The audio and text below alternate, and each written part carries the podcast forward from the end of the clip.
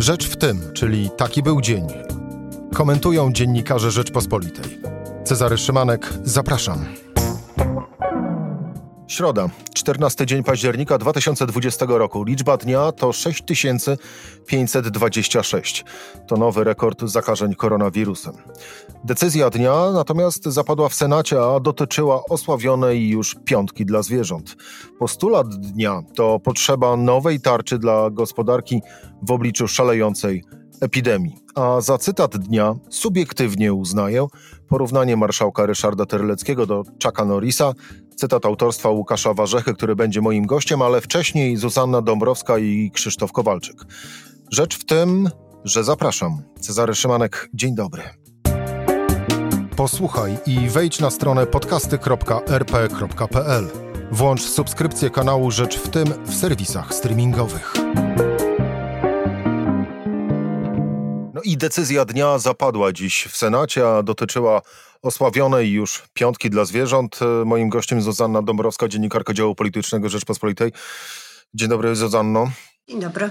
Właściwie news dnia jest e, taki, e, że e, polski Senat przyjął poprawkę wydłużającą do końca 2025 roku wejście w życie przepisów dotyczących ograniczenia uboju rytualnego, a w przypadku zakazu hodowli zwierząt na futra do 31 lipca 2023 roku. Jak ty czytasz decyzję podjętą przez Senat jako zwycięstwo kogo? Mm, to się okaże w Sejmie. E, dlatego że dziś to jest tylko przesunięcie ostatecznej decyzji parlamentu. Przesunięcie, jak wszystko na to wskazuje, konieczne, dlatego że podziały w sprawie tej ustawy, tej piątki dla zwierząt, szły w poprzek ugrupowań partyjnych, e, w poprzek PiSu, w poprzek Koalicji Obywatelskiej. E, PSL opowiedział się jednoznacznie po stronie przeciwników tej nowelizacji ustawy o ochronie zwierząt, a lewica opowiedziała się po stronie zwolenników nowelizacji. E, więc sytuacja politycznie niesamowicie ciekawa, skomplikowana, a w tym wszystkim no, los zwierzaków, które na różnych płaszczyznach w tej nowelizacji się znalazły, w różnych punktach, aspektach, i myślę, że było trochę racji, mieli trochę racji ci, którzy mówili, by y, walczyć o poprawę, e, poprawę warunków e, y, życia zwierząt, bytowania zwierząt oraz e, nie ma się co czarować, no śmierci po prostu. Tyle, że trzeba to zrobić tak, żeby nie cierpieli za bardzo ludzie, bo wtedy to po prostu się nie uda. A chodzi o to, żeby to były rozwiązania skuteczne.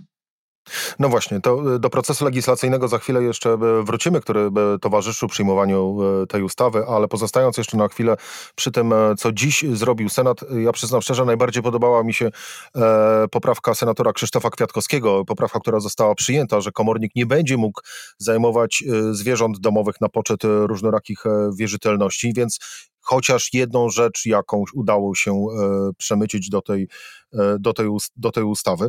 No właśnie, bo ten proces legislacyjny e, jak w soczewce skupił wszystkie wady wcześniejszych procesów legislacyjnych, z którymi mieliśmy do czynienia w, w polskim Sejmie.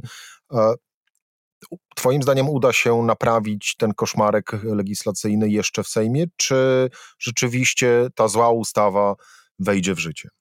To jest kwestia e, priorytetów. E, czy tego, e, czy zależy nam na tym, by w ogóle ta ustawa weszła w życie, czy tego, żeby legislacja była lepsza, poskładana, robiona w duchu dobrego stanowienia prawa? No, to są w przypadku, po raz kolejny zresztą w Sejmie, w przypadku tej ustawy cele nie do pogodzenia, niestety, w tej chwili, na tym etapie.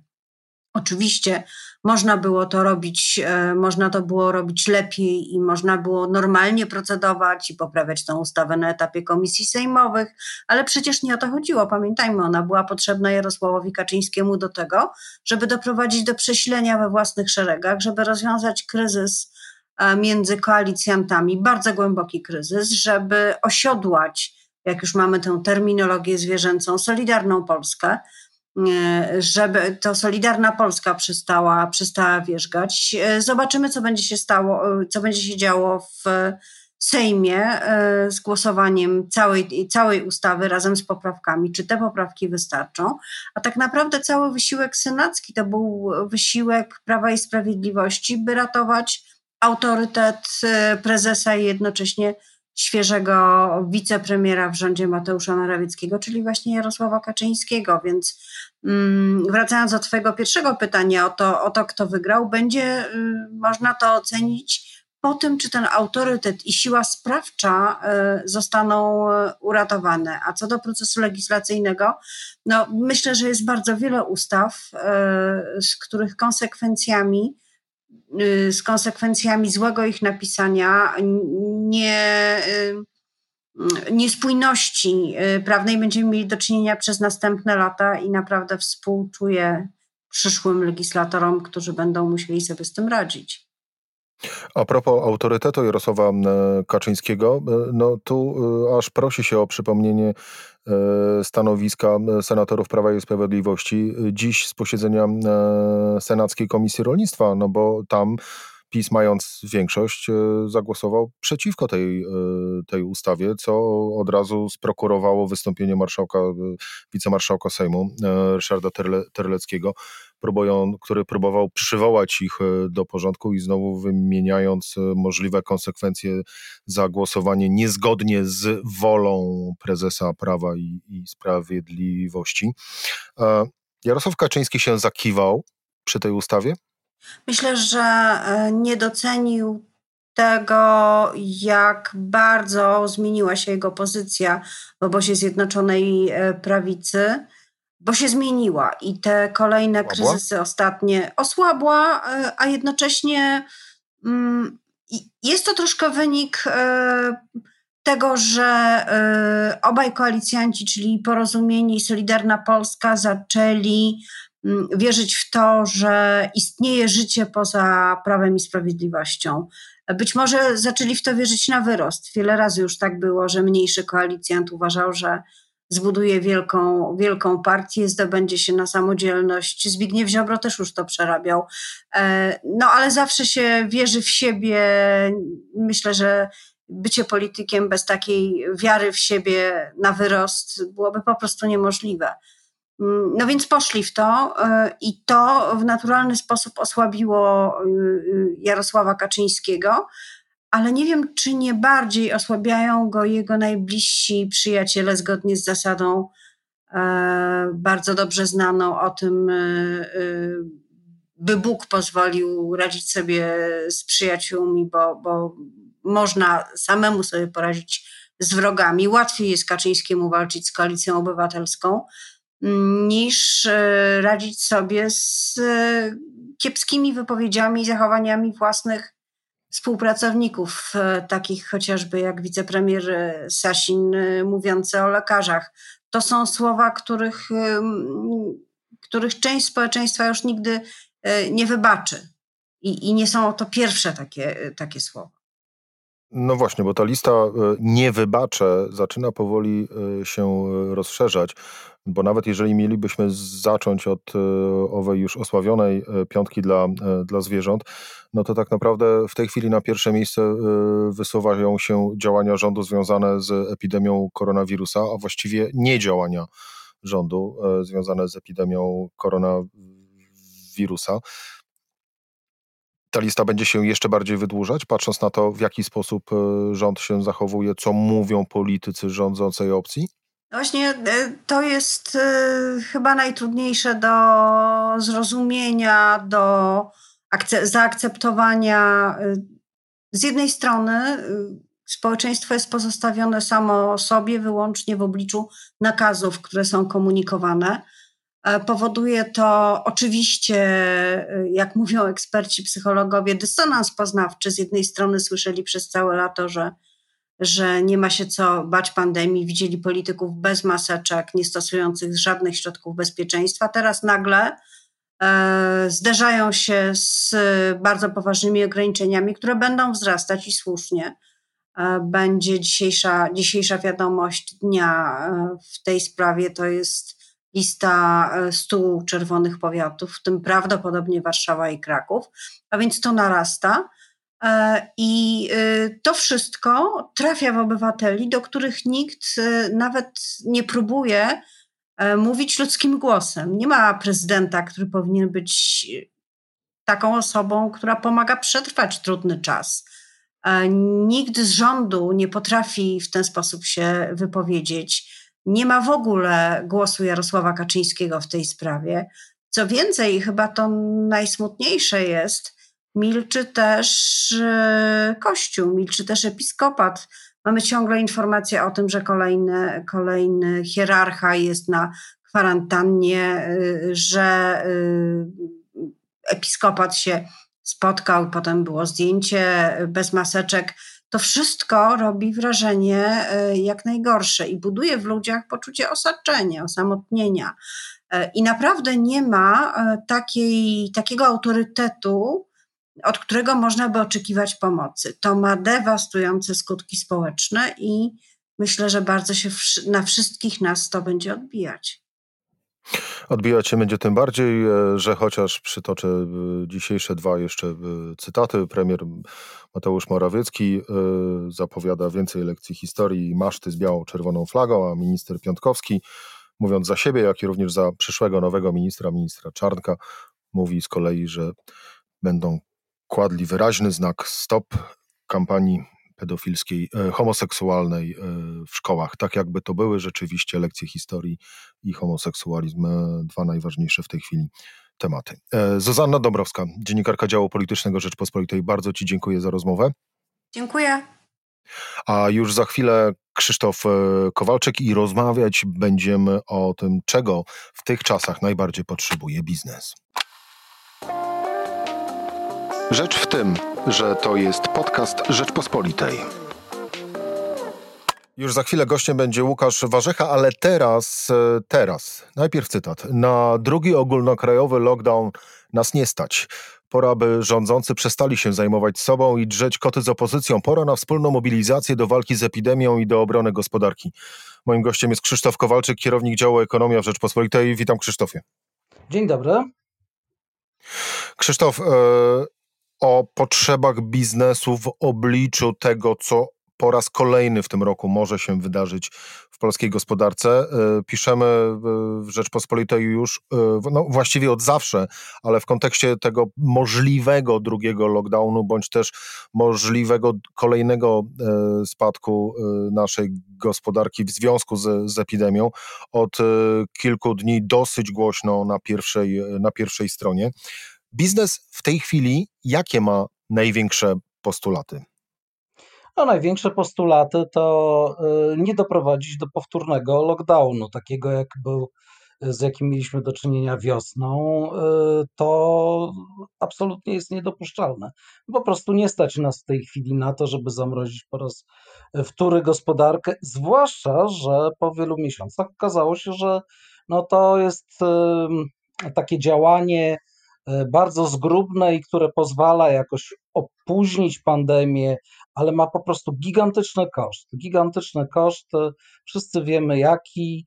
E, w tej chwili wiemy dużo więcej o pandemii, w związku z tym biznes upomina się o takie działania no, bardzo konkretne, wycinkowe, no, takie też, na które mam wrażenie państwo nadal stać, mimo już sporego zadłużenia, które było w związku z tym lockdownem i ratowaniem gospodarki na wiosnę e, zwiększone. To w takim razie spróbujmy to usystematyzować i, i, i jakoś e, uporządkować. Na pierwszym miejscu co byś postawił, patrząc właśnie na potrzeby biznesu? No przede wszystkim, przede wszystkim więcej testów. Więcej testów, po to między innymi, żeby ludzie krócej tkwili e, na kwarantannie albo w ogóle na nią nie trafiali. No. E, to, jest, to jest podstawowa rzecz. E, druga rzecz, no, niezwiększanie jakichś obciążeń finansowych, podatkowych, czy w postaci różnych opłat, bo to tak teraz władza lubi nazywać. No i nie tworzenie jakichś nowych obowiązków administracyjnych, które odciągają biznes od takiego podstawowego zadania, jakim jest kontynuowanie działalności, no i po prostu przeżycie firm, miejsc pracy, naszych dochodów, przetrwanie, nasze przetrwanie. A tu warto, no właśnie, a tutaj warto przypomnieć o takiej e, trochę e, no, e, dwutorowości podejścia rządu, bo z jednej strony e, daje ulgi, ale z drugiej strony wprowadza kolejne właśnie podatki, od chociażby podatek e, cukrowy, czy też e, miesza w kwestiach po, podatkowych, jak na przykład kwestia spółek, spółek komandytowych. A co z kwestią potencjalnych nowych pakietów pomocowych? Jak biznes na to patrzy?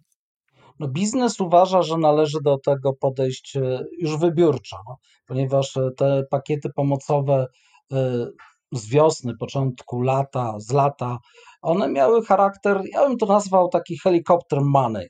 Nie bardzo wiedzieliśmy, jak gospodarka, które jak gospodarka zareaguje na ten wielki lockdown, który dotknął w zasadzie wszystkich.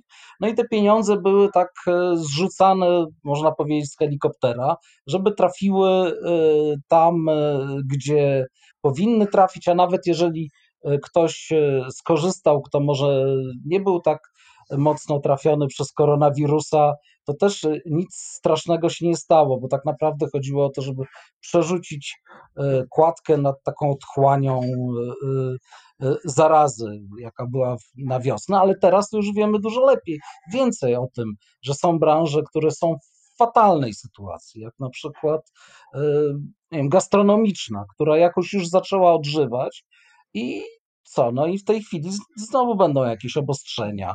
Hotele w dużych miastach y, y, kompletnie siadły. Branża eventowa to się już nawet nie mówi. Ona, ona y, ledwo żyje i w zasadzie tu potrzebna jest kroplówka, żeby, żeby coś przetrwało może do następnej wiosny. No. A z drugiej strony no mamy cały sektor handlu internetowego, no, firmy dostarczające gier, one jakby rozkwitły, ponieważ potrzeba dotycząca ich usług, e, towarów e, dostarczanych e, przez choćby firmy kurierskie, one też ta potrzeba bardzo się rozwinęła, nie? więc one akurat nie potrzebują pewnie jakiejś wielkiej pomocy.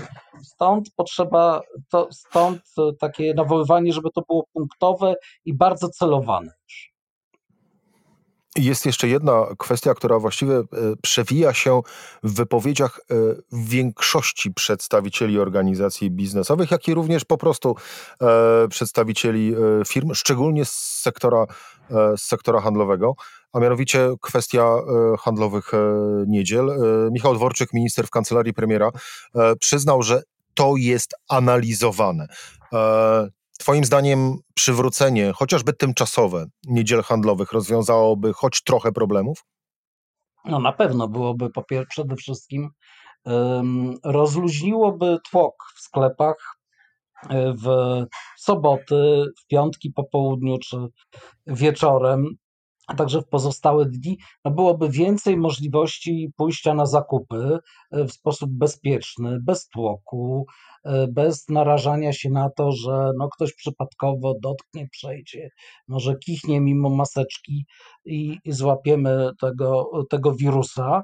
E, Im dłużej sklepy działają, a nie chodzi mi o działanie, nie wiem, 24 na godzinę na dobę, bo to byłby już absurd, e, ale im dłużej sklepy działają, tym jakby mniej ludzi w środku, a jednocześnie E, bardziej komfortowe warunki do robienia zakupów, do konsumpcji. No, konsumpcja jest jednym e, z, jedną z sił napędowych wzrostu gospodarczego, więc e, ja to używam takiego, takiego porównania z kranem. No.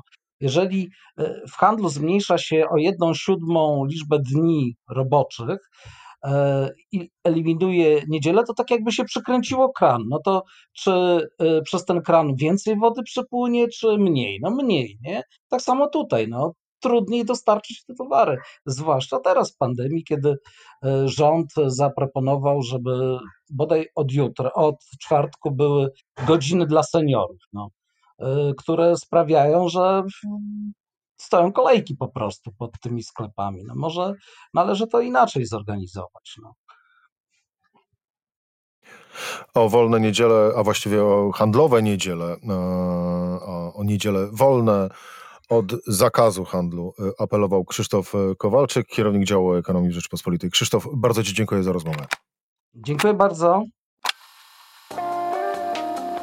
Rzecz w tym, że to jest podcast Rzeczpospolitej. Na razie wygląda na to, że wśród rządzących zapanowała panika i są w stanie jedynie powtarzać pomysły, które raz już się nie sprawdziły. Tak pisze dziś na łamach Rzeczpospolitej Łukasz Warzecha, publicysta tygodnika do rzeczy i właśnie również występujący gościnnie na łamach Rzeczpospolitej. Witam Cię, Łukaszu. Dzień dobry. Ale wpierw zacznę od innych Twoich e, słów, a mianowicie no, nie sądziłem, że darzysz aż taką sympatią i podziwem marszałka Sejmu Ryszarda Terleckiego. Tak, marszałek Terlecki to jest zdecydowanie jedna z moich ulubionych postaci polskiego życia politycznego, które byłoby bez niego zdecydowanie nudniejsze. A dlaczego? Dlatego, że marszałek Terlecki wprowadza taki powiew humoru do tego życia politycznego, zwłaszcza wtedy, kiedy, tak jak napisałem w swoim tekście, wygłasza z kamienną twarzą, chociaż właściwie z takim lekkim uśmiechem, który się zwykle u niego pojawia, wygłasza najbardziej niedorzeczne stwierdzenia. No, ja akurat podałem przykład najnowszego takiego stwierdzenia, czyli tego, gdy marszałek, pan marszałek Terlecki e, był uprzejmy powiedzieć, że jesteśmy znakomicie przygotowani do drugiej fali epidemii. Oczywiście dzięki znakomitemu rządowi. Oczywiście i tak oczywiście powtarzają właściwie wszyscy politycy e, obozu e, rządzącego. Ty natomiast, natomiast stawiasz tezę, że właściwie idziemy na zderzenie ze ścianą. Tak to wygląda i to na kilku, niestety, poziomach, na kilku planach. Ten najbardziej oczywisty, który, o którym media najwięcej mówią, to jest plan czysto medyczny, ale też nie wszystko się zauważa, no bo my widzimy i jesteśmy najbardziej, najczęściej informowani o tym, jak to wygląda z punktu widzenia gotowości systemu na przyjmowanie pacjentów z COVID-em.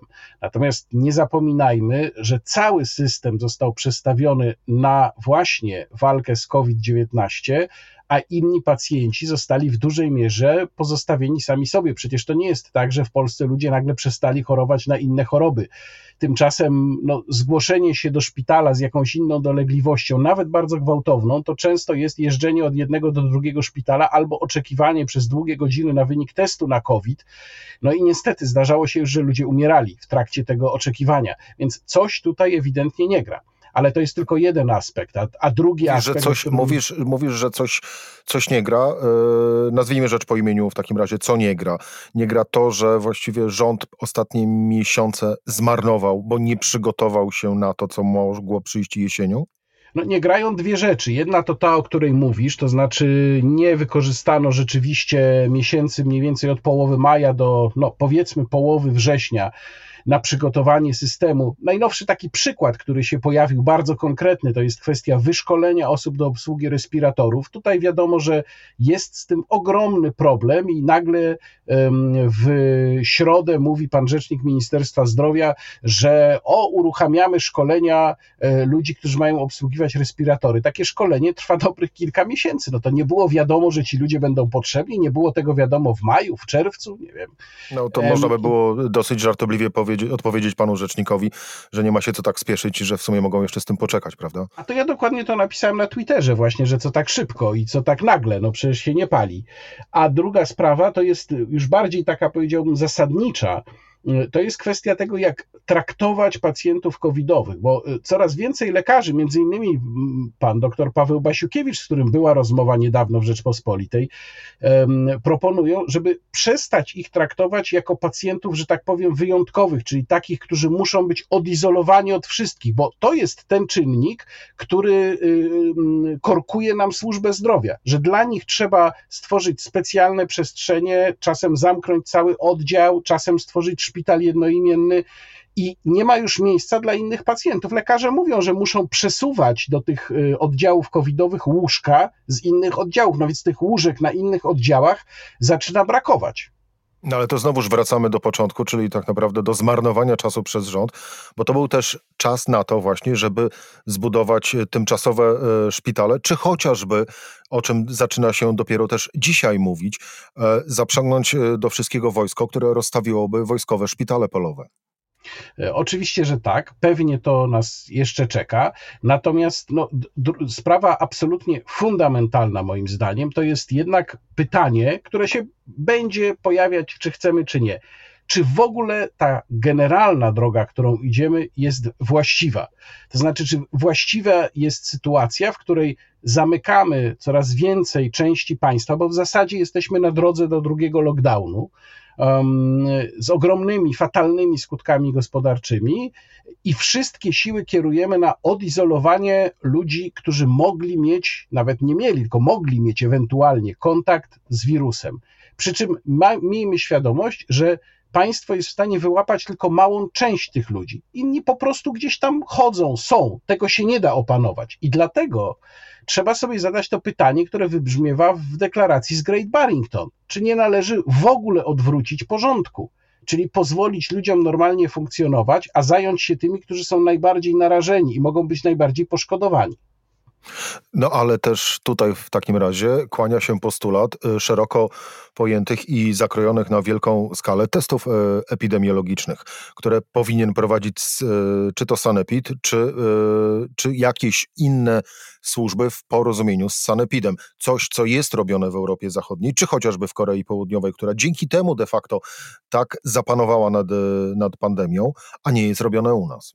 E, można by to tak e, rozwiązać, to by mógł być czynnik wspomagający. To znaczy, ja sobie na przykład wyobrażam taką sytuację, że przy dużej, naprawdę dużej dostępności testów, one nawet nie muszą być bezpłatne, ale no, nie powinny kosztować 500 zł, e, tylko na przykład 50.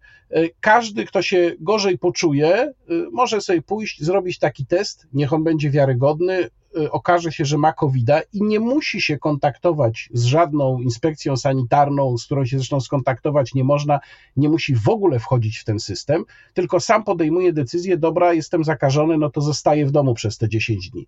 I niech to zostanie do decyzji obywateli. Natomiast to, co powinniśmy moim zdaniem zrobić, gdybyśmy przestrajali w ogóle ten sposób zajmowania się epidemią, to przekierować moce państwa, które teraz są absurdalnie wykorzystywane na przykład na ganianie po ulicy ludzi bez maseczek, na pomaganie tym, którym naprawdę to jest potrzebne. I znów podam bardzo konkretny przykład wydarzenia, które mnie zbulwersowało. W jednym z miast w Polsce była taka informacja trzy dni temu, pani lat tam niecałych 60 zdaje się, uciekła ze szpitala po dwóch pozytywnych testach na COVID. No, widocznie na tyle dobrze się czuła, że była w stanie uciec z tego szpitala, ale uciekła dlatego, że zostawiła samą swoją 90-letnią mamę i nie wiedziała, co się z nią dzieje. I ja w takiej sytuacji pytam, gdzie jest państwo? Przecież państwo zamiast wysyłać policjantów do gonienia tych ludzi bez maseczek i powalania ich na ziemię, powinno się zająć właśnie taką samotną, pozostawioną osobą, która jest bez opieki, bo córka tej pani została zamknięta ze względu na koronawirusa w szpitalu. No tutaj się okazuje, do jakiego stopnia wszystko jest postawione na głowie. No bo z drugiej strony można było rzec, że łatwiej jest e, nakazać Polakom noszenie e, maseczek i egzekwowanie e, tego na ulicach, niż tak naprawdę zajęcie się realnymi potrzebami. Na koniec, Łukasz, bo ja muszę o to zapytać, a ty jesteś za noszeniem maseczek czy przeciw? Mm, jeżeli pytasz mnie teraz nie, abstrahując od kwestii prawnych, bo oczywiście tu byśmy mogli długo rozmawiać, to prawda. Abstra abstrahując od kwestii prawnych, tak, e, uważam, że no, trzeba się kierować zdrowym rozsądkiem. Ja zakładam maseczkę zawsze, kiedy wchodzę do zamkniętych pomieszczeń, ponieważ tam po prostu nie da się uniknąć innych ludzi. E, powietrze stoi, przechodzi się blisko nich, więc tu absolutnie to respektuję. Natomiast uważam, że wymóg generalnego zamaskowania wszystkich, jak tylko wystawią nogę za próg domu, no jest niestety ewidentnie absurdalny. I to powoduje zjawisko doskonale doskonale znane socjologom i teoretykom prawa, jeżeli się tworzy przepisy jawnie absurdalne, to ludzie e, mają wewnętrzny opór, żeby przestrzegać również tych sensownych. Ja jednak pozostanę na swoim stanowisku, że maseczkę, e, szczególnie w tych czasach, e, zakładać trzeba właściwie e, wszędzie, tuż po wyjściu z, za. Nie, po, nie, potęp, nie potępiam, nie potępiam, nie kpię. Rozumiem ludzi, którzy się bardziej niepokoją, szanuję to stanowisko. Niech każdy po prostu sam tutaj wybierze, jak uważa. Łukasz Warzecha, publicysta Tygodnika do Rzeczy, gościnnie również występujący na łamach Rzeczpospolitej. Bardzo Ci dziękuję za rozmowę. Dziękuję bardzo. Cezary Szymanek, e, to było środowe wydanie magazynu Rzecz w tym. E, do usłyszenia i zapraszam jutro o godzinie 17.